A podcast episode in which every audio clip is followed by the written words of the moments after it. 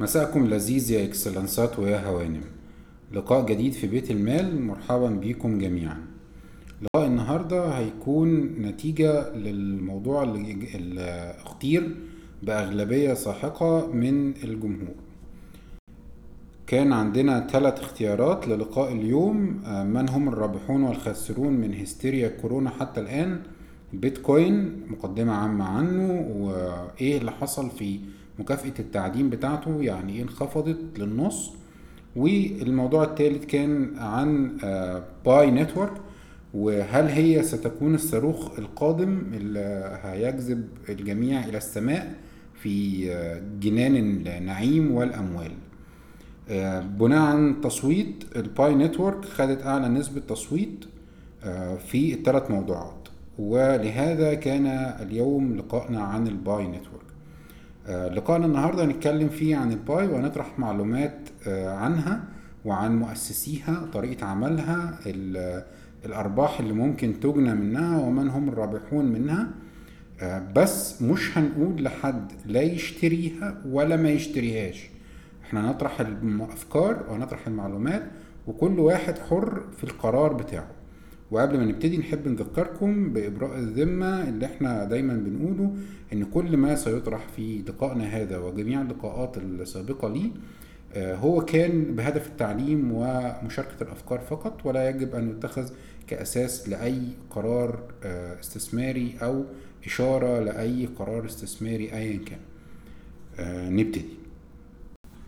قبل ما ندخل مجال العملات الرقمية والعملات المشفرة في مفهومين مهمين محتاجين إن إحنا نعرفهم وببساطة شديدة. أول حاجة هي البلوك تشين. إيه البلوك تشين دي؟ البلوك تشين الحقيقة الترجمة العربية ليها ظلماها الترجمة العربية الحرفية ليها هي سلسلة الكتل. وبالعربي يعني مش هنفهم منها حاجة زي الإنجليزي بالظبط.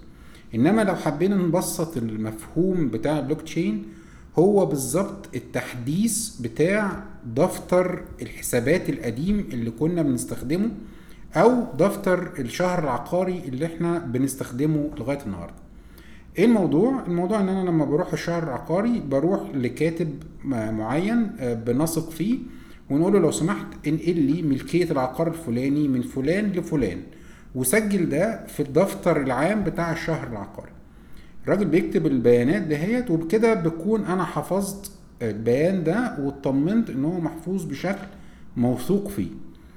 على الجانب الآخر في الشركات كان عندنا دفتر الحسابات اللي كان المحاسب بتاعنا بيكتب فيه كل العمليات بتاعة الشركة من مبيعات ومن مشتريات وبيكتب الأرباح والخسائر بتاعة كل عملية. الدفترين دول كان فيهم ميزتين مهمين جدا. الميزة الأولانية إن كل صفحة فيهم عليها رقم. والرقم ده ما بيتكررش. الميزة التانية إن كل صفحة فيهم بتنتهي بحساب معين بناخد آخر لقطة في الحساب ده إن الرصيد بتاعنا كذا ونبتدي بيه الصفحة اللي بعدها. وبكده بنكون ضامنين إن الدفتر ده كله بمجموعة الصفحات المرتبة جواه كل صفحة فيهم رقمها متسلسل فأي صفحة هتفقد هنعرف إن الدفتر ده اتلعب فيه. كمان الحسابات اللي بتتصفر آخر كل أو بتتجمع آخر كل صفحة بنبتدي بيها رصيد أول مدة في الصفحة اللي بعدها فبنكون عارفين إن الحسابات دي لا يمكن يكون فيها تلاعب طيب الدفتر ده كان موجود منه نسخة واحدة لا الدفتر ده بيبقى موجود منه أكتر من نسخة نسخة عند محاسب الشركة ونسخة عند المحاسب القانوني ونسخة عند الضرايب و. بس كل النسخ دي بتكون متفقة وبتكون مدققة وبنكون مطمنين إن البيانات نظريا طبعا البيانات اللي في كل النسخ دي بيانات واحدة لم يتم التلاعب فيها في أي نسخة. طيب ده ببساطة هو اللي إحنا عملنا له آه، أتمتة أو ديجيتايزيشن أو آه، شغل رقمي وحولناه لفكرة ال blockchain ال blockchain هي سلسلة زي الدفتر ده كده كل مربع فيها أو كل كتلة فيها موجود جواها كمية بيانات لكمية عمليات حصلت. والكتل دي مرتبة مع بعض ورا بعض كده بشكل متسلسل وكل كتلة جواها الرقم اللي قفلت بيه الكتلة اللي قبل منها. طبعا ده تبسيط للفكرة بس هي الفكرة ماشية كده بوجه عام. وبكده بنكون كل الوحدات اللي متوفقة المتعاملة على الشبكة دي زي كل المحاسبين أو كل فروع وزارة العدل اللي عندها السجل التجاري أو اللي عندها السجل بتاع الشهر العقاري كلهم مطمنين وكلهم متوافقين إن النسخ كلها واحدة والبيانات سليمة و... طيب دي فكرة البلوك تشين. سلسلة من الكتل أو سلسلة من الدفاتر كل دفتر جواه صفحات والصفحات ديت فيها بيانات والبيانات إحنا مطمنين كل اللي متعاملين على هذه الشبكة إن البيانات دي سليمة ومرتبة لا يمكن إخراج أي صفحة منها وإلا هتبان إن ال serial وقع أو التسلسل وقع ولا يمكن تعديل أي صفحة فيها لأن الرقم النهائي اللي موجود في كل صفحة واللي بادية بيه الصفحة اللي بعدها هيكشف هذا التلاعب. ده المفهوم الأول. المفهوم الثاني بعد بلوك تشين هو مفهوم التعدين. التعدين أو ال mining برضو هنا فكرته إن أنت آه كان زمان الناس علشان يطلعوا الذهب كانوا بينزلوا في الأنهار كده يقعدوا يدوروا على الصخور وياخدوا الصخور دي ينقوها وياخدوا منها الذهب اللي جواه. وده كان عملية التعدين. كل واحد فيهم كان عنده يعني حاجة صغيرة كده بياخد بيها حجم صغير من الصخور ويقعد ينقيها ويطلع حجم صغير من الذهب و اللي كان بيطلع صخرة فيها ذهب من كل الصخر اللي مليان أي حاجة تانية غير الذهب في, في النهر ده كان بيسعد جدا لأنه أجرى عملية تعدين ناجح وكان بيشوف الابتسامة على وشه إزاي. كل الناس التانية اللي كانت معاه دي كانت بتجري برضه عمليات تعدين ولكن فاشلة. ما عرفوش يطلعوا الصخرة رغم إن ممكن يكون كان واقف جنبه. ما عرفش يطلع الصخرة اللي فيها الذهب دي اللي ده طلعها وفاز بيها لما الدنيا اتطورت شوية ودخل الماكينات ابتدى يبقى عندنا ماكينات عملاقة تقدر تعمل تعدين كبير بأحجام كبيرة وتطلع أعداد كبيرة من الصخور تعمل لها تنقية وتطلع كميات أكبر من الذهب. ده اللي بيحصل في الواقع في مجال التعدين عن الصخور والمعادن الثمينة. طب إيه اللي بيحصل بقى في مجال العملات المشفرة؟ نفس الفكرة تقريبا. فاكرين السجل العدلي أو السجل بتاع الحسابات ده؟ الراجل اللي بيعمل الحسابات ده وبيعمل العمليات دي بنديله مكافأة نتيجة العمليات اللي عملها. الكاتب اللي بيعمل السجل بتاع الشهر العقاري بنديله مرتب. طب كل العملات بيتعمل لها تعدين؟ لا. مش كل العملات بيتعمل لها تعدين وده منطق مهم قوي مش كل العملات المشفرة بيتم لها عملية تعدين البيتكوين أول عملة وأكبر عملة حتى الآن آه بيتعمل لها تعدين بنفس المنطق ده. الناس بتقعد تشتغل وتدور اللي بيلاقي الحل بتاع المعادلة هو اللي بيلاقي حتة الذهب وهو ده اللي بياخد الذهبية اللي هي مكافأة التعدين غير كده في عملات تانية كتير ما فيهاش المنطق ده خالص أساسا. والحقيقة إن ال Pi واحدة من العملات دي. إزاي؟ ده اللي هنشوفه فيما هو آتي. ال Pi Network العملة دي هي فكرة مشروع. خلينا نوضح برضو الفرق ما بين العملة والمشروع.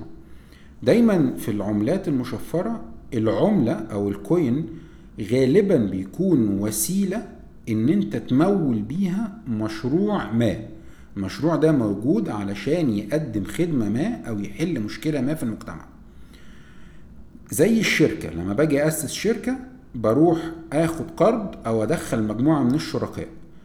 لما بدخل مجموعة من الشركاء دول بروح أعرض عليهم الفكرة وأقنعهم إن الفكرة بتاعتي دي كويسة وليها لازمة وهتكسب. فالشركاء دول بيدخلوا معايا يدفعوا مساهمات أو بيشتروا أسهم في الشركة دي. المفهوم ده لما اتطور عملناه في العملات المشفرة إن إحنا كنا في الشركات بنعمل حاجة اسمها IPO اللي هي بنطرح الشركة للاكتتاب في العملات المشفرة عندنا حاجة اسمها ICO اللي هو بنطرح ال coins أو العملات بتاعة الشركة دي للناس يشتروها فالفريق بتاع العملة اللي عنده الفكرة بتاعت المشروع ياخد الفلوس دي ويبتدي يشتغل عليها. طب هل كل العملات اللي بتاخد الفلوس دي المشاريع بتاعتها بتنجح؟ لا. في مشاريع خلال السنين اللي فاتت شفنا مشاريع كتيرة فشلت وشفنا مشاريع كتيرة ما حققتش نجاح وفلست والمشروع قفل والعملة راحت. طب إحنا عندنا النهارده كام عملة في السوق؟ عندنا حوالي 4500 5000 عملة بنتكلم عليهم في السوق بأحجام مختلفة وقيم مختلفة. ده مفهوم العملة. بنعمل بيه إيه أصلا؟ بنمول بيه مشروع. المشروع ده لازم يكون بيشتغل يعمل حاجة الناس محتاجاها أو بيحل مشكلة عند الناس فالناس تبتدي تقبل عليه طيب العملة بتاعتنا اللي هي الباي دي دي عندنا المشاركين فيها أو المؤسسين ليها ثلاثة اتنين منهم دكاترة معاهم PhD خريجين جامعة ستانفورد. والحقيقة إن جامعة ستانفورد كجامعة ملهاش علاقة بالموضوع ده خالص. ده خريج زي آلاف الخريجين اللي بيتخرجوا كل يوم من الجامعات. جامعة لا تملك أي صلاحية ولا عليها أي مسؤولية مادية أو معنوية أو قانونية تجاه أي حاجة أنت بتعملها. مهندس اتخرج من جامعة راح يشتغل في شركة اللي بيعمله مسؤوليته هو مش مسؤولية الجامعة اللي خرجته ده بس عشان نوضح كلمة ستانفورد اللي محشورة في, في, في حاجات كتيرة هنا. فالثلاث دكاترة دول الدكتور نيكولاس ده دكتور فعلا في الجامعة والحقيقة هو تخصصه الراجل في البرامج بتاعة التواصل الاجتماعي وكده. وهو عضو في جماعة العملات المشفرة في الجامعة زي جماعة صوت النيل كده في أي جامعة باختصار يعني. الاثنين التانيين هم مش يعني أكاديميين بالمعنى المفهوم.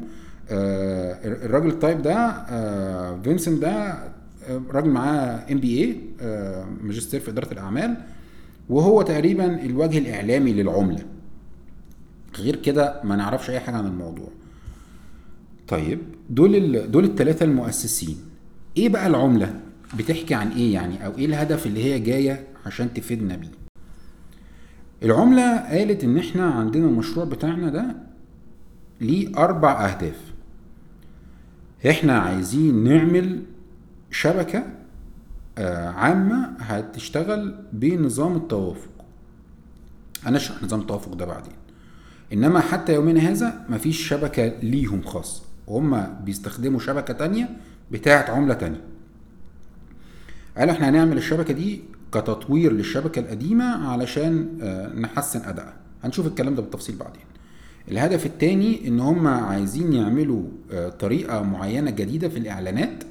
الطريقة دي تعتمد على جذب انتباه العميل لإعلان معين في وقت معين. ما عندهمش تفاصيل كتيرة عن الموضوع. ولسه لم يطبق ومش عارفين له يعني تفاصيل كاملة نقدر نناقشها الهدف الثالث إن إحنا نربط العملاء دي ببعض ونربط بروفايلاتهم ببعض فنقدر نفهم كل عميل طبيعته إيه وعلاقاته شكلها عاملة إزاي. وده فعلا اللي هم بيعملوه دلوقتي من خلال طريقة تسجيل العملاء في البرنامج بتاعهم. الهدف الرابع والأخير إن هم يكون عندهم سوق يقدروا يبيعوا بيه سواء برامج أو سلع بيتم البيع فيها من عميل لعميل تاني بشكل مباشر. باختصار كده سوق البرامج ده زي حاجة زي جوجل بلاي أو أبل ستور والبيع من عميل لعميل بشكل مباشر حاجة كده عاملة زي eBay أو إعلانات بتاع دوبيزل أو مصراوي أو كده. واحد بيعرض السلعة اللي عنده يقول دي بقد كده والتاني بيروح يقول له ماشي هشتريها وبيتم الدفع من خلال عملة الباي. دول الأربع أهداف اللي العملة بتقول المشروع بتاعنا هينفذهم طيب. الهدف الأول هو الشبكة اللي هم هيشتغلوا عليها. فاكرين الدفتر بتاع الحسابات وقلنا دي البلوك تشين وبتاع؟ الشبكة بقى اللي هم بيشتغلوا عليها دي شبكة بتاعه عملة تانية اسمها ستيلر شركة تانية اسمها ستيلر هم واخدين الشبكة بتاعتهم واخدين البروتوكول بتاعهم أو طريقة العمل بتاعتهم وبانيين فوق منه. هم بيقولوا إن إحنا هنعمل إيه جديد عن ستيلر بيقولوا إن ستيلر والله يا جماعة بتعمل عدد عمليات في الثانية إحنا هنعمل أكتر منه وأسرع منه. دي فكرة ممتازة ولكن الفكرة دي لو جينا نشوف هل هي فعلا ليها قيمة في في الحقيقة ولا لأ هنلاقي ان عملة ستيلر مثلا دي بتعمل ألف عملية في الثانية. فأنت لما تعمل تحسين ليها هتعمل كام؟ 2000 عملية في الثانية؟ طب هو ال1000 عملية في الثانية أصلا بنعملهم؟ يعني هل إحنا النهارده عندنا مشكلة في سرعة ستيلر ده حتى يعني اللوجو بتاع ستيلر ده صاروخ يعني. ان هي بتقدر تعمل عمليات كتيرة جدا بشكل سريع جدا.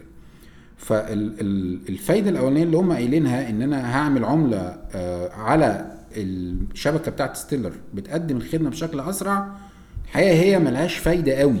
يعني مش مش باين لها فايدة تخليني أسيب ستيلر اللي هي دلوقتي موجودة وبتتداول وليها شبكة فعلا وليها شركاء فعلا في العمل وليها تطبيقات حقيقية وأروح لعملة جديدة جدا ما حدش يعرف عنها حاجة.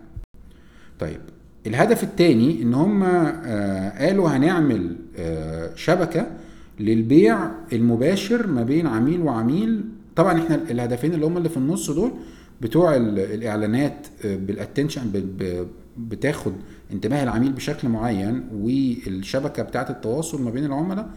الهدف ده ما عندناش معلومات عنه فمش هنقدر نناقشه لأن هم ما قالوش أصلا هم يعملوا بيه إيه ويبقى شكله عامل إزاي. والهدف الثاني ده هنناقشه بالتفصيل بعدين. بس خلينا نشوف الهدف بتاع آه، السوق اللي هم بيقولوا عليه ده.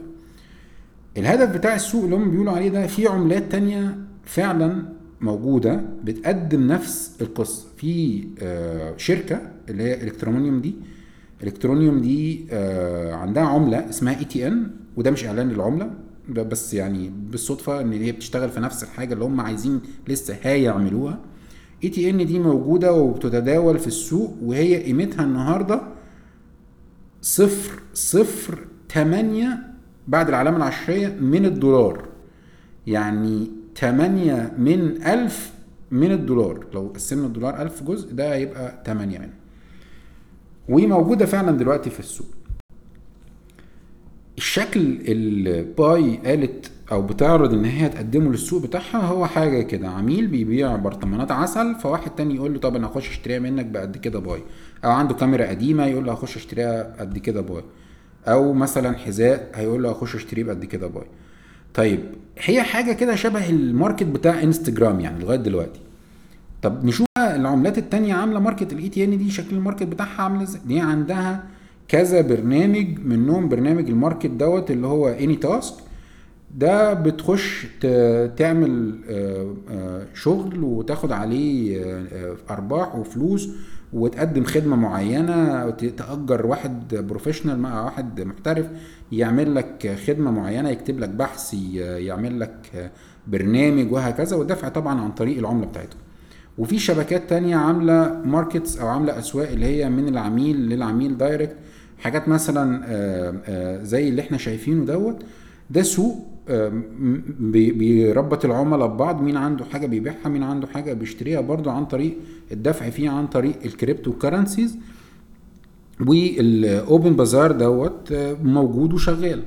طيب يعني الهدفين اللي العملة بتقول عليهم موجودين فعلا ومتوفرين في السوق هي ما جاتش تحل مشكلة جديدة. كمان ما جاتش تحل يعني أو ما جاتش تقدم أسلوب جديد متطور أو أسلوب جديد أفضل للبائع أو للمشتري. بالعكس ده شكل ال interface بتاعهم أو شكل البرنامج بتاعهم ضعيف جدا وبسيط جدا وما فيهوش الإمكانيات بتاعة المنافسين. فأنا إيه اللي يخليني أسيب عملة زي مثلا ETN بتتداول في السوق؟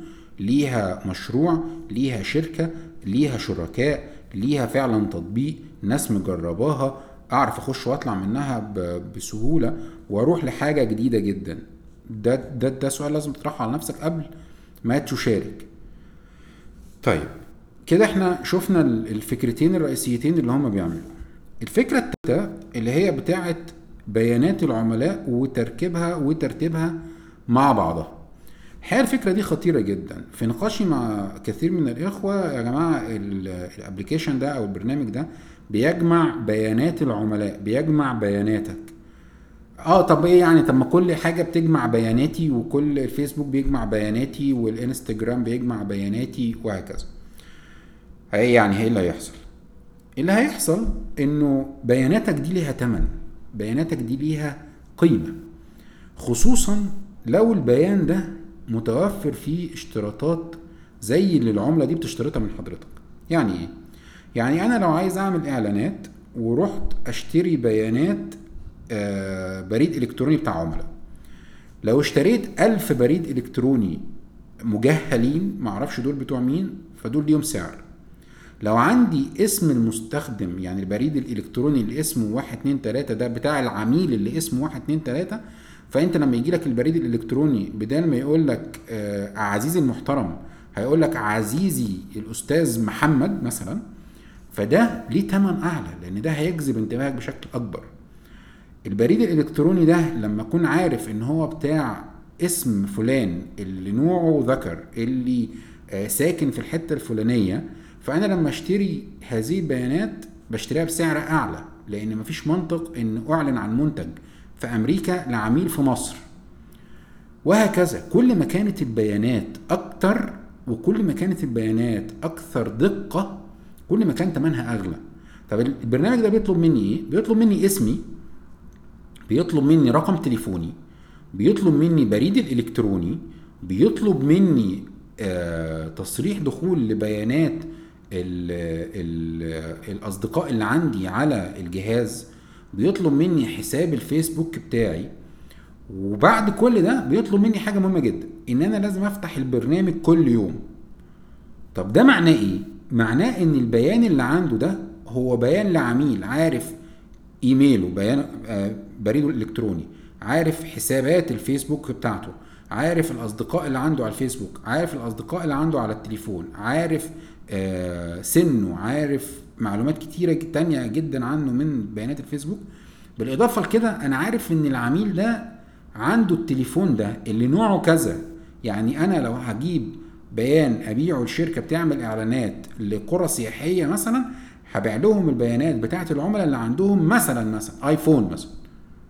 آه لو أنا عندي آه شركة بتعمل إعلانات آه آه منتجات تجميل هبيع لهم بيانات السيدات مش هبيع لهم بيانات الرجال وهكذا. فالبيان بتاعي هيبقى قيمته أعلى كحد عايز أبيعه. كمان بقى المهم إن أنا ببيع بيان صاحي. ببيع إيميل لعميل عايش كل يوم صاحي بيخش على الإنترنت.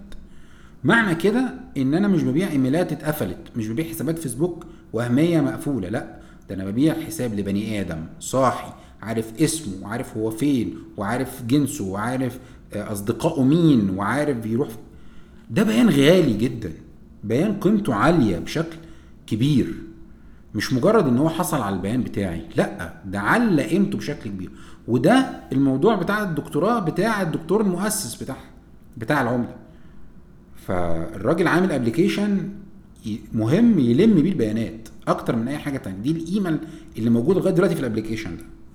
طيب. مين هم الناس المشاركين في المشروع؟ حسب المشروع المقسم المشاركين فيه لأربع فئات.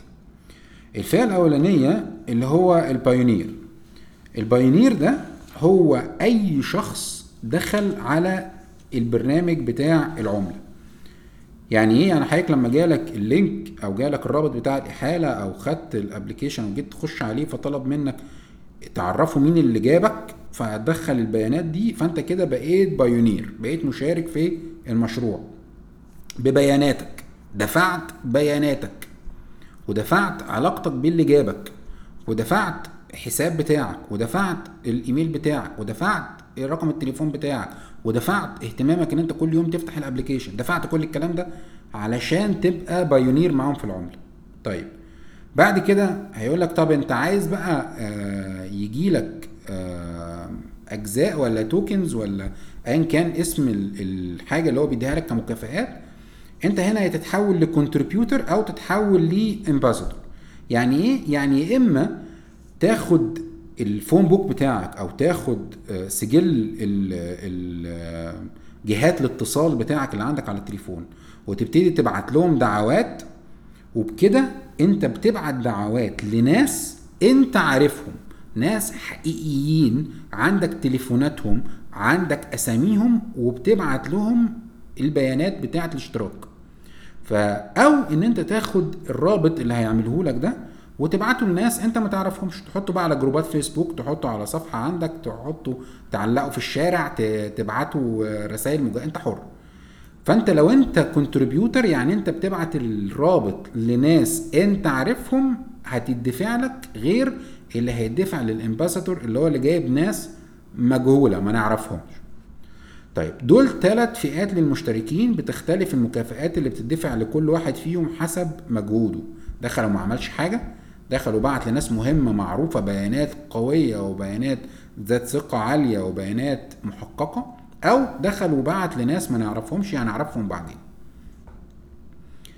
العملة دايما بتحط في الصفحة الأولانية بتاعتها أو بتحط في الإعلانات بتاعتها إن دي أول عملة يتم التعدين فيها عن طريق التليفون والحقيقة دي عملة البيان بتاعها ده مضلل جدا ليه؟ لأن مفيش تعدين بيتم عن طريق التليفون يعني إيه؟ يعني حضرتك مفيش عملية تعدين خالص بتتم عن طريق التليفون. حتى العملة دي أيوة حتى للعملة دي. بدليل هنشرح الكلام ده بعدين بس إحنا عندنا في الصورة دي كلمة نود. النود دي هي العميل اللي هيعمل خطوة زيادة عن كل اللي فاتوا دول. هيعمل إيه؟ هينزل برنامج بتاع العملة عنده على جهاز الكمبيوتر بتاعه. ويحول جهاز الكمبيوتر بتاعه ده لنقطة على الشبكة تتم بواسطتها التحقق من البيانات وتتم بواسطتها التسجيل في السجلات اللي إحنا كنا شرحناه قبل كده على البلوك تشين. يعني أنا من غير ما أنزل البرنامج ده مش هينفع أبقى node؟ لا مش هينفع تبقى node. أبقى node إمتى وأعدن فعلا إمتى أو أسجل في السجلات إمتى؟ لما أنزل البرنامج ده عندي على الجهاز الكمبيوتر بتاعي. هنشوف الكلام ده.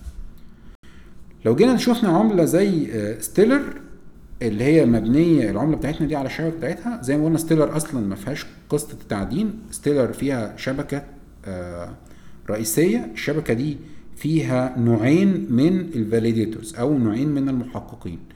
ال nodes دي كل نقطة من دول بنسميها node أو نقطة تحقق. كل نقطة من دول ليها وظيفة. في نقط الكبيرة المهمة اللي في النص دي core ودي النقط اللي هي اسمها full validator دي اللي عندهم صلاحيات كاملة. ده اللي هو الراجل رئيس الحسابات رئيس قسم الحسابات اللي بيتأكد ويختم إن العمليات دي صحيحة ودفتر الحسابات ده مظبوط والجمع مظبوط والصفحة دي مظبوطة وهكذا. وعندنا نقط تانية على الأطراف. هنا النقط دي اللي إحنا بنسميها ال ال watching ال validation node دي ليها صلاحيات أقل. وحاجات تانية اسمها watching nodes دي بس قاعدة كده بتتفرج على اللي بيحصل لو نقطة وقعت ولا بتاع ممكن نعمل لها ترقية. ببساطة يعني طبعا الموضوع فيه فيه تفاصيل أكتر. ولكن المهم إن كل نقطة من دول في ستيلر هي بتكون تابعة لشركة كبيرة أو هيئة كبيرة أو منظمة كبيرة عندها سيرفرات عندها خوادم ضخمة عندها خطوط إنترنت قوية تقدر تخليها تفضل صاحية على الشبكة وتقدر تخدم عدد كبير من العمليات وتقدر تشتغل الشغل ده كله. طيب. العملة بتاعتنا زي ما قلنا أنت لو حابب بقى تبقى نود. واحد إحنا مش بنعدن عن طريق التليفون. التليفون ما بيعدنش التليفون بس عليه عداد. بيقول لك كل يوم رقم زيادة. هل إحنا عندنا تعدين؟ لأ. ليه؟ واحد لأن العملة دي أصلا التعدين بتاعها ما بدأش. أصلا الشبكة بتاعتها لسه ما اشتغلتش. أصلا حتى هذا اليوم هي على شبكة تجريبية مستخدمة تكنولوجيا بتاعة ستيلر مش بتاعتها. طيب أنا بقى لو حبيت أعمل تعدين أعمل إيه؟ قال لك بقى هتعمل خطوات كتيرة جدا من إنك تنزل ال software بتاعهم على الجهاز بتاعك وتغير الإعدادات بتاعه راوتر الإنترنت بتاعك وتفتح عليه منافذ أكتر علشان يقدر يعمل شغل أكتر ويقدر يبقى عليه traffic أو يقدر يبقى عليه عمليات رايحه جاية أكتر وبيانات رايحه جاية أكتر. طبعا كل الكلام ده على الكمبيوتر التعبان بتاع البيت بتاعنا على خط الإنترنت التعبان اللي في البيت بتاعنا برضو يعني شغل قاتل. غير قابل للتحقق بشكل عملي. فتاني العملة هنا هي مش أول digital currency يتم التعدين فيها عن طريق التليفون دي جملة غلط هم مش بيعدنوا. ولما يعدنوا مش هيعدنوا على التليفون. انت لازم يكون عندك كمبيوتر عليه رامات وعليه processor ويكون عليه ويندوز أو ماكنتوش أو لينكس حسب نظام التشغيل بتاعه وحاجات تانية كتيرة جدا ممكن تشوفها على ال website بتاعهم. طيب أنا بقى عملت كل الكلام ده وضحيت وجبت الكمبيوتر بتاعي وعملت خط انترنت زيادة و هل ده يضمن لي ان أنا اكون عندهم على الشبكة ومعدن واخد مكافآت؟ لا. قال لك انت حضرتك بعد ما تعمل كل الكلام ده وتتأكد انك عندك انترنت شغال 24 ساعة 7 أيام في الأسبوع بدون انقطاع وعندك سرعة عالية وعندك كمبيوتر قوي والكلام ده كله هنشوف يمكن لو احتاجنا نبقى نبعت لحضرتك دعوة تخش بقى انت تملى بيانات زيادة ونتكلم مع بعض و... ولو وثقنا في حضرتك تبقى عندنا على الشبكة وبعد كده نبقى نتكلم طب الكلام ده إمتى؟ لا ما نعرفش يعني هتعملوه إمتى؟ لا ما حدش قال طب الشبكة موجودة؟ لا من لغاية دلوقتي الحقيقة آه، مش موجودة الشبكة طيب ده باختصار الموضوع آه علشان نلخص اللي إحنا قلناه ده في نقط بسيطة وسهلة وسريعة عندنا عشر ملاحظات على عملة الباي.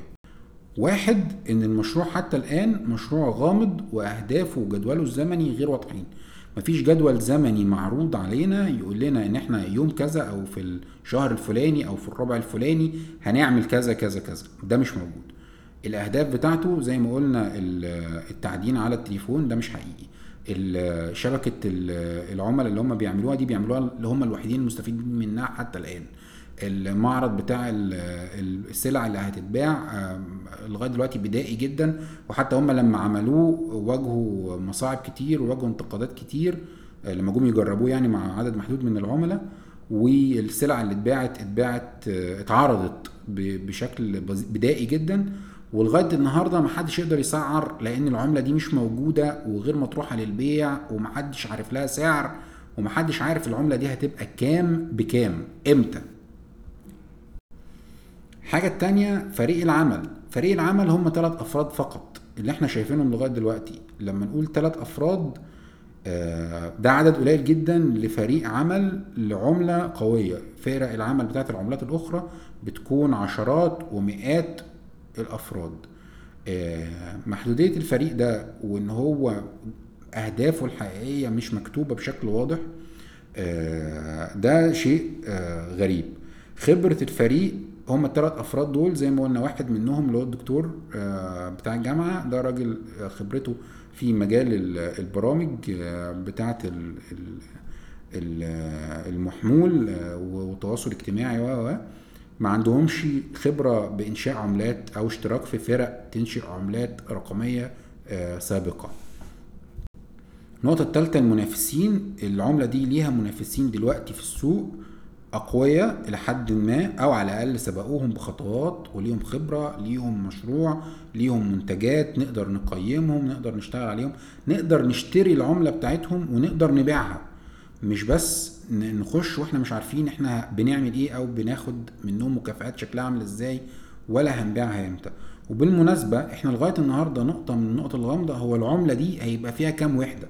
يعني لما اتكلم على البيتكوين أنا عارف عدد الوحدات بتاعه البيتكوين اللي موجودة من النهارده لغاية آخر التعدين. العملة دي إحنا مش عارفين هيبقى فيها كام وحدة. طب العملة دي بتتكلم على المكافئات لأول 100 مليون مشترك. طب ال 100 مليون دول هياخدوا كام وحدة لما يجوا يبتدوا الشغل؟ مش عارفين. وكمان الأكتر من كده إن الوحدات اللي أنت هتاخدها كمكافأة دي بتتصرف لك بشكل يومي لما تخش على ال application أو على البرنامج. في البيتكوين إحنا بناخد المكافئات مع كل سجل بيتكتب. مع كل يوم بنخلصه مع كل سجل بنخلصه وبنكتب فيه البيانات وتحقق وال block ده بيتقفل وبناخد مكافئته العملة دي إحنا ما بناخدش المكافئات بال block إحنا بناخد مكافئات بالفرد. يعني انت الفرد مصروف له قد كده في اليوم. لو دخل النهارده هياخدهم ما دخلش النهارده على الابلكيشن مش هياخدهم طيب. كمان العدد بتاع العملات اللي انت بتاخده ده بيقل بشكل تدريجي لأن هو انت مصروف لك مثلا مئة ألف وحدة طول عمرك. هتاخدهم بالتقسيط كل يوم وكل يوم هتاخد عدد عملات أقل من اليوم اللي قبل منه. مش عارف إذا كان القصة واضحة ولا لأ لو مش واضحة اكتبوا لنا في التعليقات ونشرحها أكتر. النقطة الرابعة زي ما قلنا إن إحنا ما عندناش تعدين حتى الآن ولما يبقى في تعدين مش هيبقى على التليفون المحمول اطلاقا التعدين هيتم فقط على الحاسب الآلي على الكمبيوتر. النقطة الخامسة هو الدعم الفني والتواصل. العملات الأخرى فريق الدعم الفني فيها فريق شغال متوزع على حتت كتير في العالم بتقدر لو عندك مشكلة يحلوها لك. الفريق ده فريق بطيء جدا لأن هما زي ما قلنا ثلاث أفراد الاستجابة بتاعتهم بطيئة جدا. أنت لو في استجابة أصلا تواصل مع الناس الفرق الأخرى متواجدة على أكتر من منصة للتواصل. موجودين على تويتر بشكل فعال موجودين على ديسكورد موجودين على تليجرام موجودين على ريدت موجودين على منصات كتيرة جدا للتواصل. دول مش موجودين على هذه المنصات أصلا. وحتى المنصات اللي هم موجودين عليها زي فيسبوك وتويتر موجودين عليها بشكل بسيط وخفيف و... والفيديوهات اللي بيطلعوها بيطلعوها كل فترة طويلة فهم عندهم مشكلة كبيرة جدا في موضوع التواصل والدعم الفني. النقطة السادسة إن هم ثلاث أفراد بس هم المتحكمين في العملة هم المتحكمين في المشروع هم المتحكمين في الفكرة هم المتحكمين في تنفيذها. بعد ما العملة تطلع هم اللي هيبقوا متحكمين في الكميات بتاعتها. هم هم كل حاجة. المشاركين ملهمش أي صلاحيات على المشروع ملهمش أي صوت في تنفيذ المشروع ملهمش أي صوت في الجدول الزمني ملهمش أي صوت في التعديل. يعني هم بيقولوا حتى بعد ما نخلص بقى ال ألف دول ونبتدي نشتغل هنعمل بقى مجموعات كده تاخد آراء الناس ويقولوها لنا إحنا نقرر بقى هننفذ منها إيه وهننفذه إمتى وهننفذه إزاي. فالموضوع متحكم فيه بنسبة 100% بالثلاث أفراد دول فقط هي مش شركة هي عملة تتبع لأفراد. النقطة السابعة إن المرحلة اللي إحنا فيها دي مرحلة تجريبية. العملة بيتم تجريبها والشبكة بيتم تجريبها. طب التجريب ده هيخلص إمتى؟ ما نعرفش. طب التجريب ده آه إيه المعايير اللي بتقول لما نعمل واحد اتنين تلاتة يبقى التجربة نجحت؟ ما نعرفش. طب يعني هنعمل إيه الخطوة الجاية دي وهنعملها إمتى؟ لسه مش واضحة. فإحنا قد نظل في مرحلة التجريب دي فترة تطول أو تقصر ما نعرفهاش. لازم تبقى عارف ده وأنت بتشارك. النقطة الثانية الثامنة زي ما قلنا هو العدد الإجمالي للعملة، العملة دي العدد الإجمالي بتاعها ما نعرفوش، العدد الإجمالي ده مهم في إيه؟ مهم إن هو يحدد الاتجاه اللي العملة دي هتاخده في طريقها للزيادة في قيمتها، لما يكون العدد قليل وعليها طلب ده هيخلي قيمتها تعلى، لما يكون العدد كبير مهما كان الطلب كبير ده هيخلي قيمتها ما تعلاش على الأقل بشكل سريع، يعني عندنا عملات في السوق عدد العملات المطروحة منها ضخم جدا رغم إن هي عملة ناجحة جدا ورغم إنها متبناة من جهات كتيرة جدا جدا جدا ولكن ضخامة المطروح منها مخلي تحركاتها بطيئة ومخلي ارتفاعاتها تكاد لا تذكر بقالها سنة واتنين وتلاتة موجودة في نفس المنطقة السعرية ما بتتحركش. النقطة التاسعة هي طريقة توزيع المكافآت. زي ما قلنا إن المكافآت بتوزع على الناس عن طريق إن هم يخشوا على الابليكيشن بتاعهم بشكل يومي. اللي مش هيخش النهارده ويمضي حضور مش هياخد المكافأة. المكافأة دي كام؟ لسه ما نعرفش. طب هتتوزع كل يوم قد إيه؟ لسه ما نعرفش. طب يعني هو هينبني كام منها؟ لسه ما نعرفش. طب الرقم اللي عندي بيطلع كل يوم على التليفون ده وبيعد إيه؟ ده ولا حاجة. ده عداد ملوش أي قيمة. الرقم اللي بيطلع ده لما تيجي تتوزع المكافآت اللي هتبتدي تتوزع لما الشبكة الحقيقية بتاعتها تبتدي تشتغل اللي ما نعرفش هتشتغل إمتى ما نعرفش الشبكة دي شكلها عامل إزاي نبقى نتكلم مع بعض. إلى يومنا هذا اللي عندنا ده عداد فقط. تليفون ما بيعدنش. النقطة العشرة والأخيرة هي حجم المصداقية اللي إحنا نحطها والثقة اللي إحنا نحطها في فريق العمل هذا. فريق العمل هذا اللي خدعنا في قصة التعدين فريق العمل هذا اللي مش موضح الطريق بتاعه اللي يمشي فيه بشكل مظبوط فريق العمل هذا اللي مش مدينا جدول زمني مظبوط فريق العمل هذا اللي بدون خبرة فريق العمل هذا اللي جاي بيكلمنا على حاجات بدائية جدا موجود ليها منافسين ما اداناش فكرة جديدة ما اداناش طريقة تنفيذ جديدة ما اداناش قيمة أعلى للمشروع بتاعه. فمصداقية هذا الفريق وثقتنا فيه لابد أن نفكر فيها جيدا ده باختصار كان عملة الباي وإيه هي وإيه فكرتها وإيه مشروعها و ومين اللي مستفيد منها حتى الآن اللي هم فريق العمل بتاعهم اللي جمع بيانات دي كلها وجمع بيانات بجودة عالية وجمع بيانات يقدر يشتغل بيها ويعمل عليها مبيعات وأبحاث بشكل دقيق. المشاركين حتى الآن لم يخسروا شيء لأ هم دفعوا بيانات ووقت و... وحسنوا جودة البيانات دي. العملة ابتدت تطلب من بعض الناس إن هم يحطوا إثباتات الشخصية بتاعتهم صورة بطاقة صورة باسبور وده هيعلي أكتر قيمة البيان اللي عندهم ودقته وصحته وبالتالي هيعلي الثمن اللي يقدروا يبيعوا بيه البيان ده. آه، العملة بعد كده هتطلب مننا أي طلبات إحنا ما نعرفهاش لأن الجدول بتاعهم مش واضح إيه الخطوات اللي هيعملوها. دي القصة ودي البيانات كلها والمعلومات كلها قدام حضراتكم. وكل واحد يقدر يقيم هو هيشترك أو مش هيشترك. هو لو اشترك هيبقى آه، هياخد آه، مكسب إيه وهياخده إمتى وهياخده إزاي وقيمة المكسب ده قد إيه. دي بقى هنتركها لكل واحد آه، ياخد قراره بنفسه وياخد قراره كما يتراءى له. نتمنى نكون الشرح كان واضح ونتمنى نكون النقط اللي إحنا اتكلمنا عليها كانت بسيطة وسهلة. لو في أي أسئلة لو في أي معلومات لو في أي مقترحات ممكن حضرتك تكتبوها لنا سواء على الفيسبوك أو على يوتيوب أو الناس اللي بتسمعنا عن طريق البودكاست ممكن تكتب لنا عن طريق التعليقات في البودكاست بتاع ابل أو جوجل أو ستيتشر أو في